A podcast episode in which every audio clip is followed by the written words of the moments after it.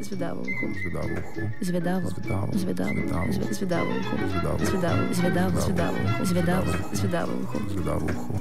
Kaj poslušamo? Kaj je to za en komad? Wow, kaj pa je to za ena zadeva? Kjer komat je to? Kaj je to za en komad? Kaj pa je to? Kaj je to za ena pesem? Kdo, kaj je to? Kaj pa je to za en komad? Wow, kjer hud komat, kaj je to za en komat? Jaz moram vedeti, kaj je to za en komat. Zvedavo uho. Zvedavo. Zvedavo. Zvedavo. Zve- Zvedavo uho. Zvedavo. Zvedavo uho. Zvedavo. Ej ti, Ja? Kaj te zanima? A kjer komat je to? A bi rad vedel, kjer komat je to? Moš poslušati v četrtek radio. Glasbene avanture v Zvedavem ušesu vsak četrtek zvečer na Radiu Študent.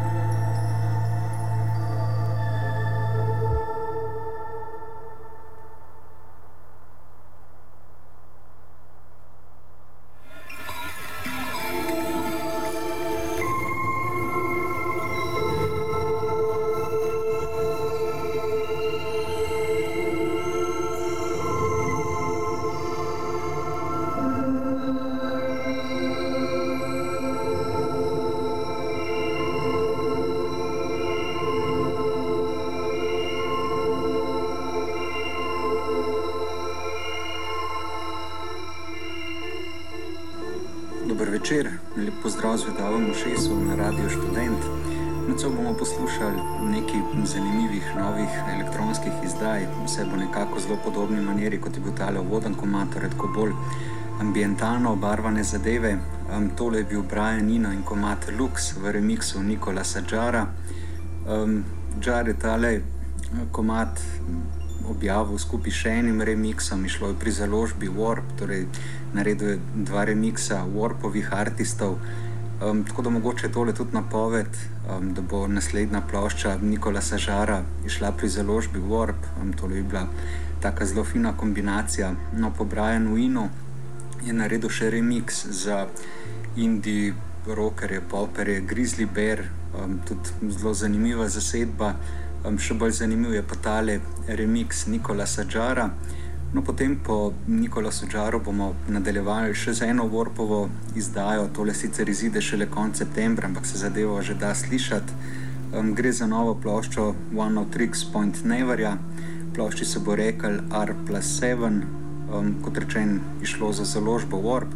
Po Warpu so napovedali, da bo šlo za tiste, ki poznate One of Tricks Point Never um, precej sorodno zadevo, čeprav to, kar sem imel jaz do zdaj priložnost slišati, bi rekel, da se um, kljub temu, da pač nekako ujet v to svojo estetiko, da zna znotraj poiskati še vedno zelo zanimive stvari. Um, in tako je tudi tale plošča. Um, komada, ki jih bomo slišali z te plošče, sta Inside World in pa Zebra. Potem bomo nadaljevali še z enim britanskim elektrončkarjem oziroma elektronskim producentom, um, Johnom Maverjem. Tole gre sicer za starejšo zadevo, ki pa je šele zdaj išla, torej glasba, ki je bila narejena let, med letoma 90 in pa 92. Um, ampak prej še ni bila objavljena, zdaj je končno objavljena. Glede na to, da gre za glasbo, ki je stara več kot 20 let, um, zveni presenetljiv, sveže. Je pa Avery sicer dosti znan. Um, pri takih bolj alternativnih, potalnih Britan spremljevalcih britanske elektronike. Bila je tudi neka naveza um, zasedbo Cabaret Voltaire, torej znanimi britanskim industrial bandom.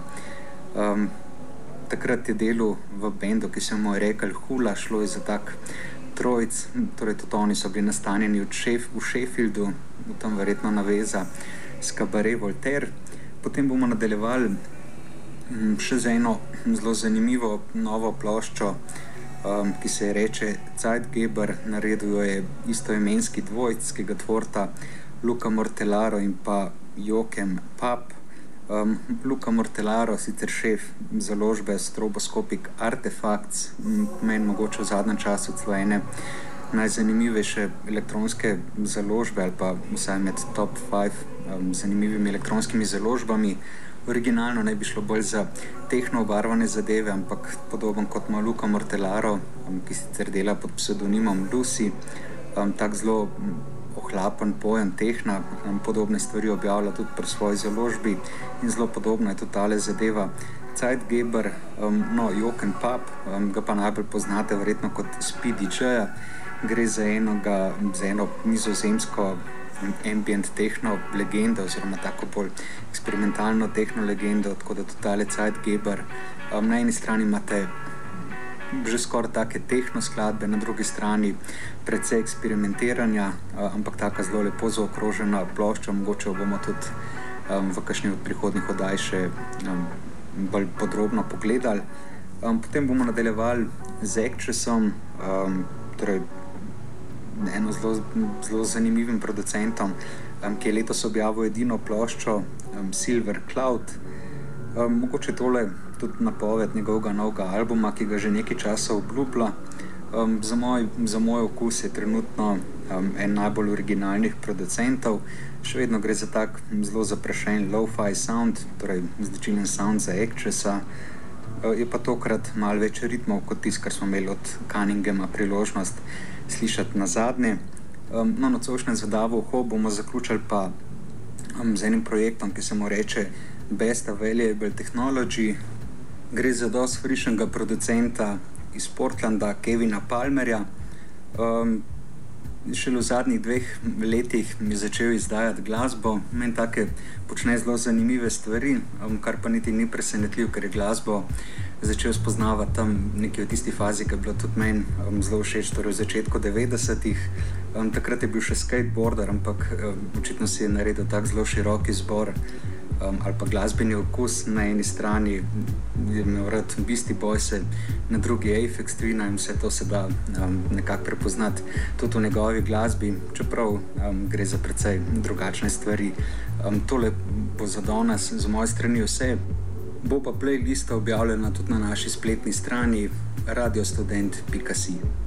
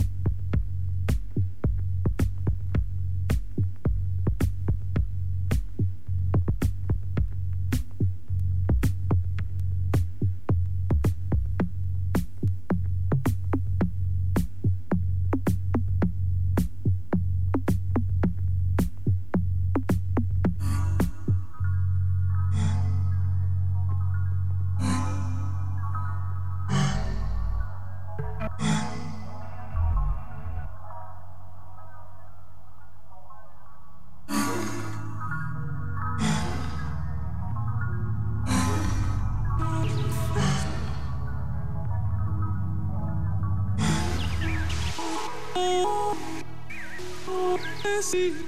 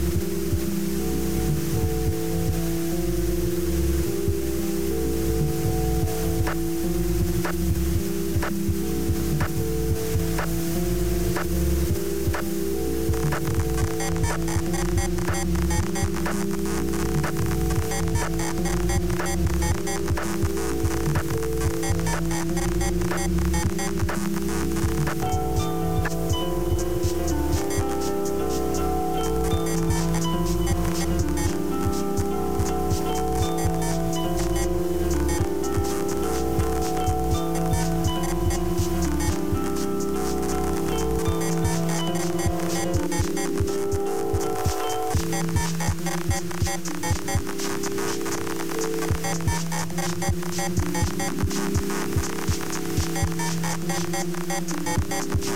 you.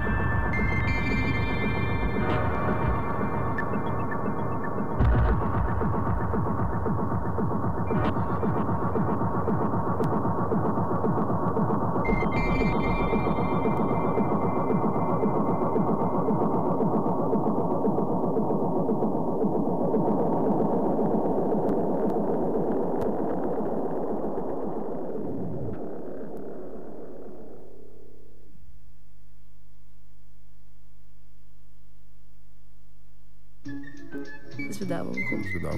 Zvedavo. Zvedavo. Zve- Zvedavo uho. Zvedavo. Zvedavo. Zvedavo. Zvedavo uho. Zvedavo. Zvedavo uho. Zvedavo uho. Kaj poslušamo? Kaj je to za en komad? Wow, kaj pa je to za ena zadeva? Kjer komat je to? Kaj je to za en komad? Kaj pa je to? Kaj je to za ena pesem? Kdo, kaj je to? Kaj pa je to za en komad? Wow, kjer hud komat, kaj je to za en komat? Jaz moram vedeti, kaj je to za en komat.